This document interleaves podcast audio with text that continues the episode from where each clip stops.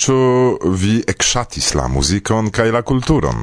Ne nur, vidu, Krom tiu du muzikaj grupoj esperantistaj, ni ankaŭ havis kontakton kun alia popola ensemblo de maljunuloj. Ĉiu aŭskultis ilin kun granda intereso, ĉar tio estas maljunaj entuziasmuloj. Cetere, mi ankaŭ ne sciis pri tio, ke frizoj estas popolo tre ricia, popolo, kies historio jam estas pli ol mil jara, aŭ eĉ pli, kai ili havas propran kulturon tre interesa interesajn eh, vestajoin do ili presentigis kadre de kultura seminario do ili ne nur cantis, set ancau racontis exemple detale pri sia vestajo. Mi miris che uno horo estis dedicita nur por clarigi kiel aspectas ca el kio consistas la casco kiun portas virinoi. Cetere, kion mi rimarkis la homo friso is tre altai do ec tiui maliunuloi danzantoi aspectis tute impone char sainas eh, al mi che virinoi pli mal pli presca du metrai dancistinoi Do ni conatigas ne nur con la frisa culturo, set eh, generale eh, ni anco pri la nederlanda. Ni visitis interalie Hagon kai Amsterdamon. En Amsterdamo estas belega urbo renesanza cefe, kio min plei multe impresis. La unan foion mi proxime vidis ducent pentraĵoj de Van Gogh kai vere rigardante ci foie de proxime ca sen urgio sen eh, curado mi povis rigardi un opa in bildoin ca constati che effettive di Van Gogh estis geniulo.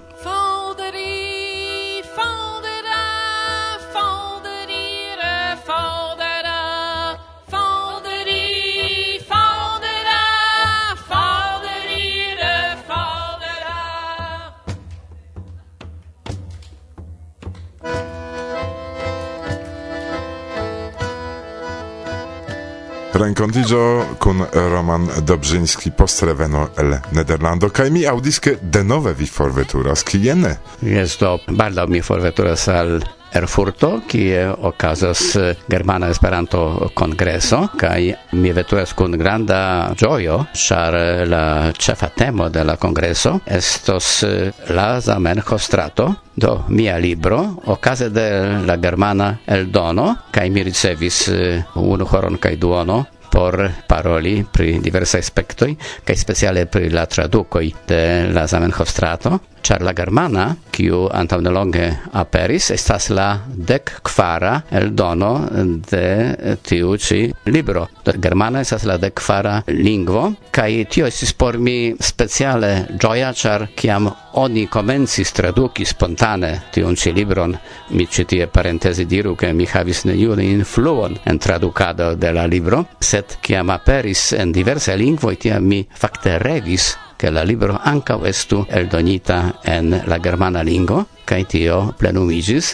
do crome mi havas anca alian taskon. Jam estas fixita, che la unuan tagon de la congreso mi presentos nian novan filmon kun kiu vi kunlaboris, Varsovia Vendo kunlaboris en produktado de tiu filmo, pri Nepalo, nepalai amplitudoi, Kai mi anka havas unu horon kai duono por montri la filmon kai paroli pri tiu tre interesa pezzo da Esperantujo. Ĉu mi rajtas inviti vin post la reveno el eh, Germanio ankaŭ al la studio por eh, rakonti al la aŭskultantoj pri tio kion vi tie renkontis? No, memkompreneble eh, mi ĝojas ke Varsovia vento interesiĝas pri mi, ĉar mi interesiĝas pri Varsovia vento, do estas reciproka. O vidu, vera amo devas esti ĉiam reciproka. No? Do kompreneble mi volonte parolos pri la kongreso en Erfurt eh, no mi tre gioias, char mi desiras presenti anca alian filmon pri Ŝĉavno Zdrui. Ok, ĝuste en tiu urbo en la jaro 1912 riposis Ludovico Zamenhof, kai kiam ni malkovris tiun fakton, tiam ekde kelka jaroj sileziaj esperantistoj organizas feriadon, kiu estas ĉiam pli interesa kaj ĉiam pli multaj homoj, do mi profitas la okazon por inviti al tiu loko ekde la kvara ĝis la deka de aŭgusto. Konan dankon. Dankon, kaj eh, mi salutas ĉiujn aŭskultantojn de Varsovia Vento. Sur en klubej pendas ma nova fok Belulin Mistica visar Mi tre shatus con i vin.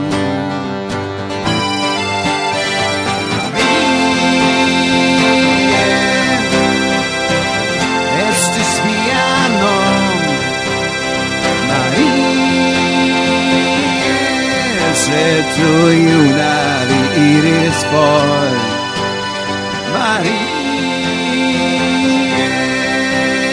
Paris vides vi Sen mi ciam estos en mia memor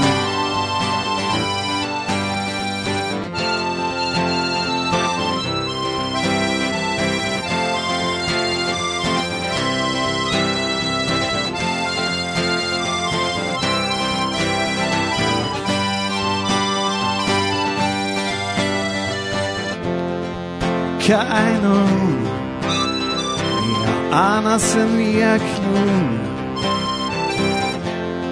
Kaj mi vidas vian foton Jes kaj mi Mi admiras vin. Kia judo lia fortes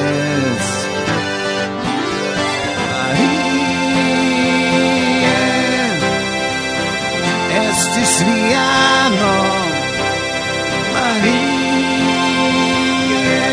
se do una iris for Marie faris vides visaron ser amico escribis sur via poŝton Dankon al mia boro por alta cara cielo Mem vi resto sen memoro de ano de la verda stelo. Dankon pro via laboro por la canta cielo Mem vi resta sen memoro de ano de la verda stelo. Tankom via laboron Por alta cedo Men vid stasen moro De ano della veda stelo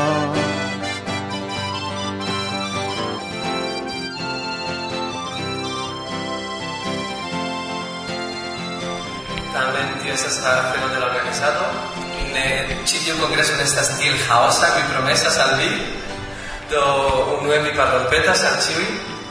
Kaj mi estas Juan Diego la prezidanto de la Lococo kaj ĉi tie maldekstre mia estas Fatima Jiménez kiu estas ankaŭ lokokano kaj ĉi tie estas nun la prezidanto de la Andalusia Esperanto Unuiĝo.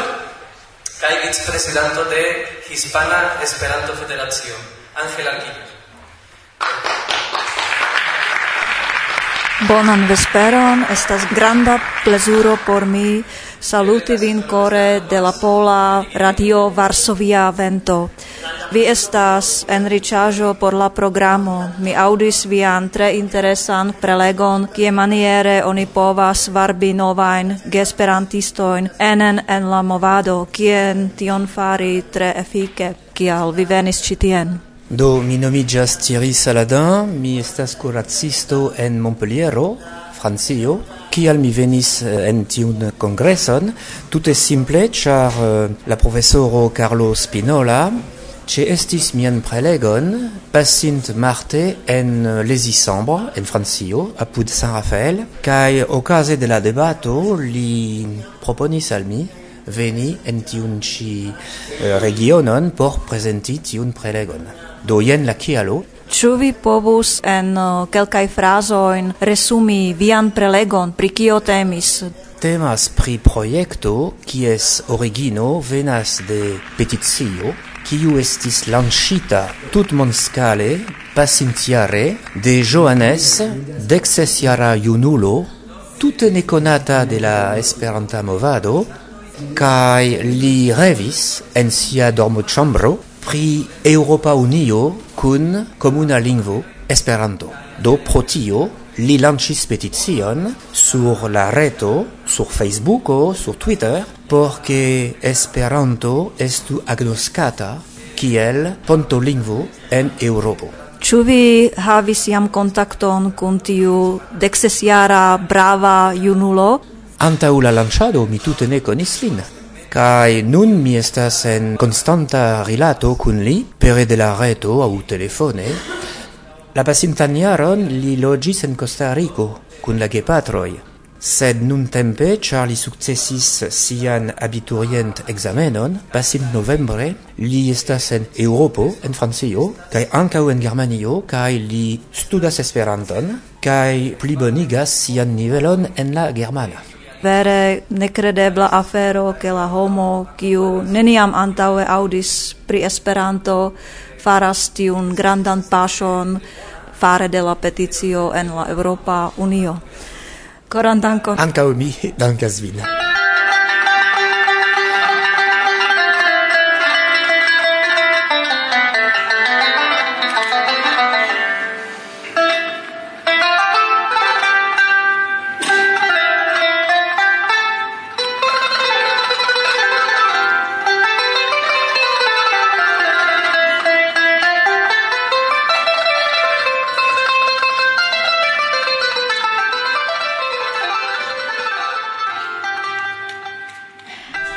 estas Dorota Parzyszek, Polino, loĝanta en Tunizio, jam dudek kvin jarojn. Kiamaniere vi venis ĉi tien? el Tuniso per flugilo, do ni ne havas flugilon rektan, ni devis ŝanĝi en Frankfurto, no finfine ni voyagis dudek du horoin el nia heimo al hotelo citie. Dir Al ni ĉu vi venis sola el Tunezio? Mi venis kun mia edzo kaj filo el Tunizio kaj alia filo kiu studas en Pollando venis ankaŭ, ni renkontiĝis en Frankfurto kaj kune ni venis eh, citie. Kiel plaĉas al vi la aranĝo kaj kio plej forte impresis vin? Eh, do aranĝo tre plaĉas plaĉas al mi. Mi ne scias kio plej. Aronda estas belega urbo. Vojo kiu estis el Malaga al Aronda tre plaĉis al mi. Mi tre ĝojas ke mi povas partopreni kaj estas multaj interesaj homoj, multaj interesaj temoj pri kiuj oni parolas kaj Tre grava por mi estas ke oni parolas ankaŭ pri Norda Afriko kaj pri relacioj inter Afriko kaj Eŭropo. Kiel aspektas Esperanto movado en Tunezio kaj ĉu iu kongreso okazos en via lando? Do, mi ne povas ankoraŭ diri ke ekzistas Esperanto movado en Tunezio. sed movadeto, grupeto de personoj, kiuj interesiĝas pri Esperanto kiu desiras lerni. Circau eh, dec personoi rencontigas prescau ciu semaine, iam dum eh, kvar monatoj. Kaj tio estas interesa, ke ili ciam venas, kaj iomete lernas, multe amuzas, kaj eh, ni planas lerni pli kai ankaŭ ni esperas eh, ke ni sukcesos respondi al peto de Araba Komisiono kai ke ni sukcesos organizi mezorientan eh, renkonton en marto 2000 dek kvin. Ĉu estas bonvenaj?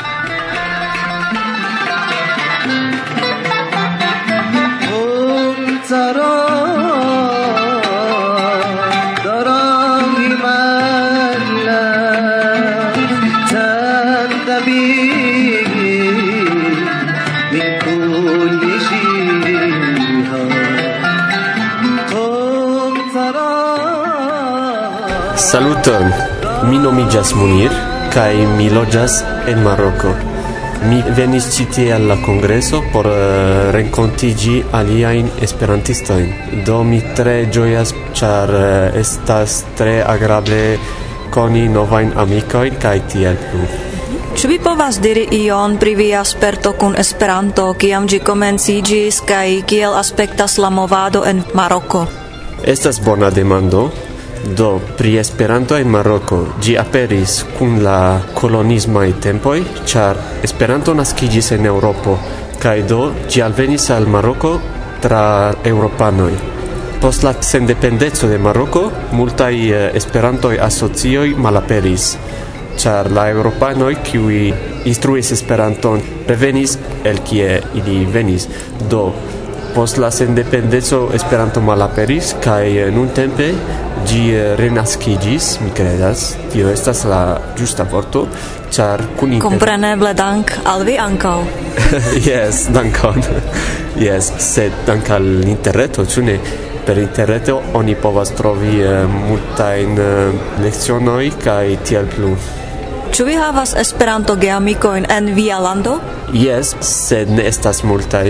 La problemo estas ke mi ne konas ilin eh, en mia urbo, ĉar ili loĝas en malsamaj urboj.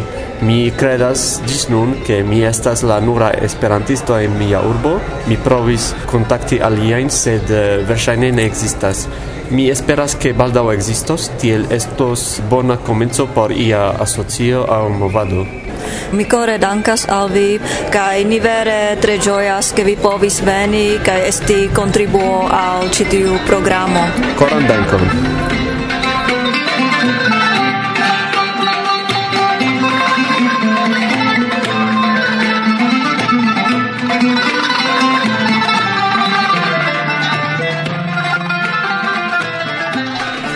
Mi estas Francisco Javier Moleón, el hispanio, el madrido. Mi estas hispano, sed mi ne loĝas en Madrido, eĉ ne hispanio, mi loĝas en Bruselo, kie mi labores. Kie maniere vi esperantigis? Ĉu vi povas ion diri pri tio kaj kion vi faras per Esperanto kun Esperanto? Certe. Mi esperantistiĝis kiam mi estis Texas jare aĝa, nun mi estas kvardek naŭ, do antaŭ tridek tri jaroj kaj mi lernis Esperanton mem autodidakte, siatempe. Kaj mi lernis Esperanton ĉar mi pensis ke ĝi estas lingvo kiun neniu parolas kaj tio altiris min, do fari ion originalan. Poste kiam mi lernis la lingvon mi rimarkis ke mi ne estis la sola kiu havis tiun originalan ideon. Kaj mi en mi Esperanta vivo mi ekzemple laboris kvin jarojn profesie por Esperanto, mi estis oficisto de UEA en Rotterdamo de 1986 gis 1991 kaj nuntempe ne laboras profesie por Esperanto sed eh, mi havis sian pauson post activa Esperanta vivo kaj nun en la lasta jaroj denove ia revenis al la movado. Mi foje ĉeestas kongresoj ne ofte sed foje, sed mi aktive sekvas eh, la Esperantan vivon, legas revuojn, gazetojn kaj kontaktas kun. Tre interesa Esperanto vivo laŭ mia opinio. yes. Longa, longa Esperanto. longa vivo. Uh, mia estas eĉ pli longa, sed ne gravas. Ĉu vere? Yes, mi komencis kiam estis dek du jaraĝa. Do antaŭ ses jaroj. ne, ne, ne, ne. Iom malfrue. Kiel plaĉas al vi ĉi kongreso? Fakte re renkonti homojn kaj konatiĝi kun eh, novaj homoj. La urbo estas placha, estas eta urbeto, oni povas promeni, vidi, estas granda urbo ke vi devas constante capti autobuson por irien, oni povis promeni cien. Kai simple renkonti novajn homojn conatigi kun ili. Kelkaj prelegoj estis interesaj, kelkaj pli, aliaj malpli, kiel kutime, sed eh, general mi ŝatis la congreso. Mm -hmm. Kaj la lasta demando, kiel granda estas via ŝuo? Kvardek tri. Kaj mia lasta demando estas, kial tiu demando? Vi devas vojaĝi Varsovien kaj persone demandi al Irek. Bone, eble mi faros. dankon. Multajn dankon.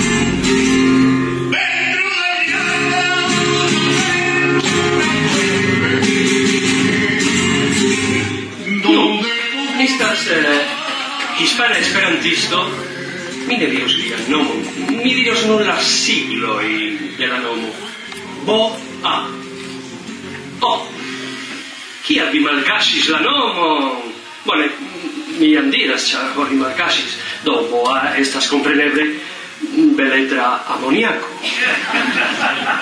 Li havas apartan teorion pri la misusado kiun esperantistoj faras pri la akuzativo.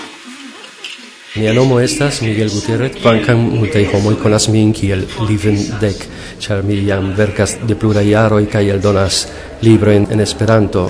En ĉi tiu kongreso en Arundo, en Andaluzio, ni presentas eh, diversajn aferoj inter ili kiel aranĝi YouTubean kanalon por prezenti la filmojn kun eh, la diversaj aranĝoj de kongresoj Kai anka mi partoprenos en la spektaklo nomata Vivula Teatro kiun aranjas presco ciuiare mia granda amiko Miguel Fernandez.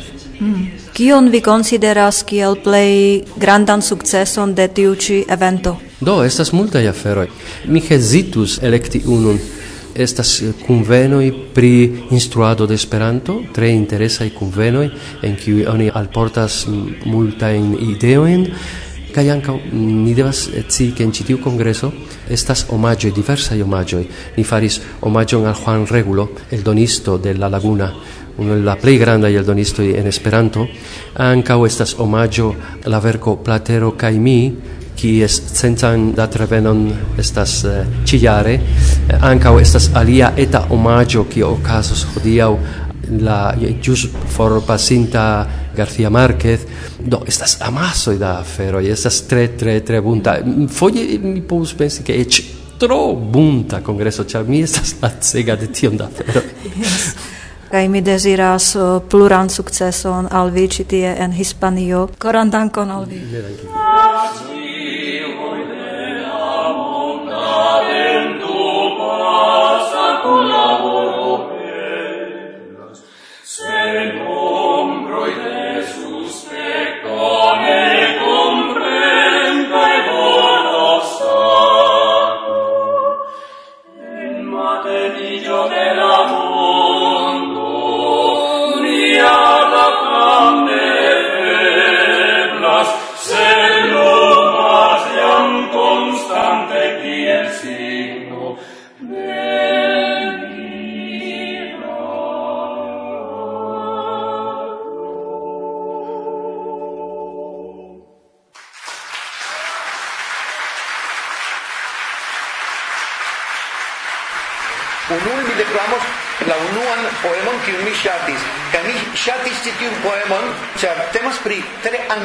andaluzeca temo.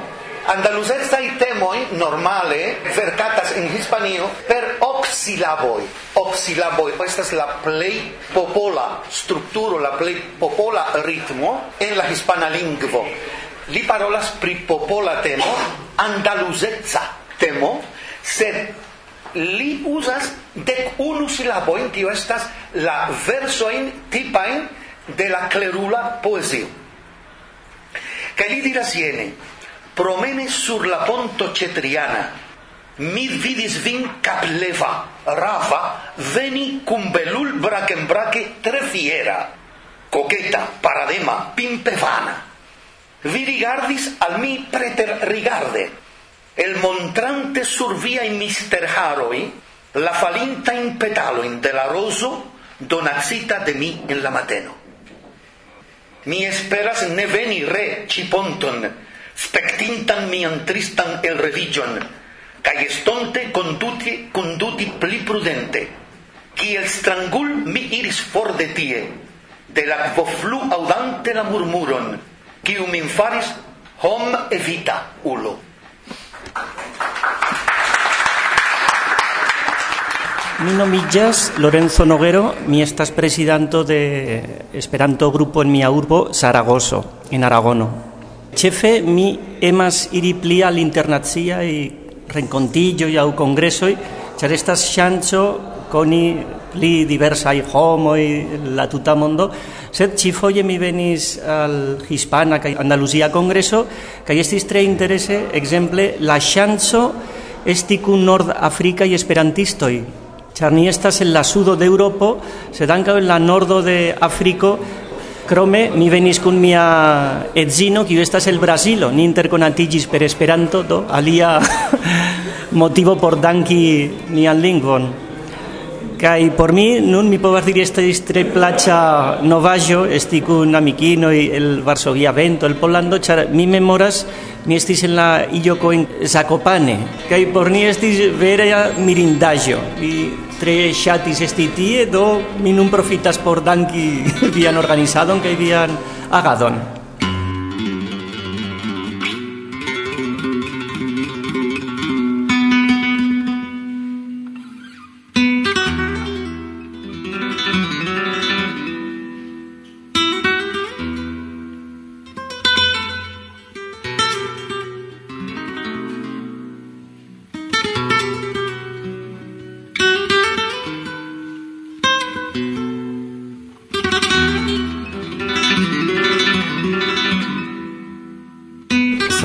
Saluton, mi esas Juan Diego, presidente de la Lococo de la Sebdectria Hispana Congreso kai la Dec Oca Andalucía Congreso de Esperanto en Arundo, Ronda, la suda parto de Hispanio en Andalucía, kai la UMI, que el organizanto, la play grava suceso de la Congreso estas que ni kun ligis Esperanton kun la urbo Do ni volis esti malfermata la urbo kaj ke la urbo estu malfermata al ni. Do pro tio ni havis multajn da kolaborantoj, ne nur muzikistoj, mm -hmm. sed ankaŭ artistoj kiu laboras la lignon, kiu deksegnis al ni nian ĉefan prezenton, bildon. La bildo estis vere belega kaj taŭga por la kongreso. Ĉu vi eble povus ion diri pri la simboliko de la bildo? la mi estas ankaŭ tre grava, ĉar estas tiu flugiloj, la kapo de la aino au viro, ĉar oni ne scias, estas infano kaj eh, tio montras infano, virino, oni ne scias. Yes. Mm. Do estas tiu ke estas la flugiloj de la paco kaj la flugiloj porque Esperanto iru al ĉiu parto de la mondo kaj ankaŭ estas la stelo ne estas tiel formata, ne estas tiel clara. Ankoraŭ ni konstruas la verdan stelon. Mm. Kaj ankaŭ estas iu infloroin kiu representas Andaluzion kaj estas ankaŭ la ponto de Arundo, kiu estas tiu ponta simbola ponto de Esperanto kiel komunikilo por internaciĝo. Ĉu vi povus detale diri pri tiu ĉi riĉa programo dum la Hispana Andaluzia Kongreso? E, fakte estas multaj sukcesaj aferoj kiu ni organizis ĉi tie. Ekzemple, ni havis ok laborkunsidojn. Mm -hmm. Estas sukceso ĉar por ni nordafrika programero estis tre grava, venis homoj el Nordafriko, ni parolis pri la movado tie. Ni havis Vivu la teatro kiu estas tre bona spektaklo farita de esperantistoj kaj tute en Esperanto kiu kreis ĝin estas ĉefe Miguel Fernandez mm -hmm. kaj Ana Manero. Ni havis tre bona prelegojn de ĉiuj partoprenantoj. Mi tiel rekomendas al homoj viziti la retpaĝon kaj ankaŭ ni havis la prelegon de Katalin Kovacs pri la oficiala instruado de Esperanto, ankaŭ ker ekzamenon kaj estis dek ses ekzamenatoj. Ni havis eh, koncerton de Turat al Andalus, kiu estas al andalusika muziko. Ni havis partoprenon de Maria Villalon, kiu estas fama kantaŭtoro aktorino en Hispanio. Ŝi venkis la televidprogramon Faktoro Ixo en 2007 kai si estis cantanta por ni. Do fakte ĉiuj koncertoj estis nekredeblaj, donis uh, multe da etoso ĉi tie, do vere la kultura programo estis ege riĉa kaj neniu mi pensas enuis ĉi tie, mi vere estas ege kontenta kaj gratulas al vi sukceson pri tiu ĉi kongreso. Kaj kaj ankaŭ mi alvonas aldoni ke ni havis la kunlaboradon de ok profesiistoj de la flamenca muziko kaj partoprenon de Yomo en la concerto, kaj mi volas danki al ĉiuj iom neniam devas manki ĉie ajn. Ĉu vi eble povus diri ion uh, pri la partoprenantoj, de kie ili venis? Mm -hmm. Yes, estis cent kvindek du aliĝintoj, kaj ili venas el dek unu landoj, do tio estas ankaŭ grava sukceso por mhm. ni. Kaj mia lasta demando estas iomete netipa, kiel granda estas via ŝuo? kiel sence? Tio estas eh, demando de Varsovia vento. De ŝuo estas eh, kvardek dudek um, ehm, tri. Bone. Dankon. Dankon pro via granda laboro dum la congreso. Dank.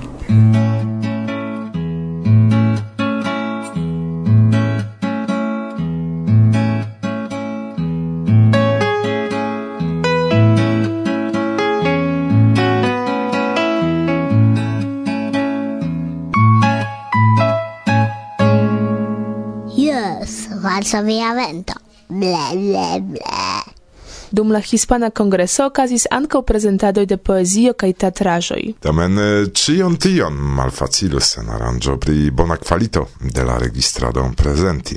Sed post la evento fakte Ambau eventoi, char, krom la hispana ancau pri la andaluzia congreso temas, en la reto aperis multai filmetoi pere de kiuj vi povas satigi vian stivolemon pri diversai programeroi kiuj dum ocasis spektu ilin mi recomendas, char ne nur interesa ili estas, sed ancau eduk valorai. Kai en eh, tiu momento de la programo kutime ni adiaŭas vin, karaj, sed ne nun, ĉar eh, antaŭ vi ankoraŭ unu hora renkontiĝo kun amplifiki, kiu okazis dum la internacia junulara festivalo. Do, se vi ŝatas tiun branĉon de nia internacia kulturo, sidu nun komforte. Kaj aŭskultu.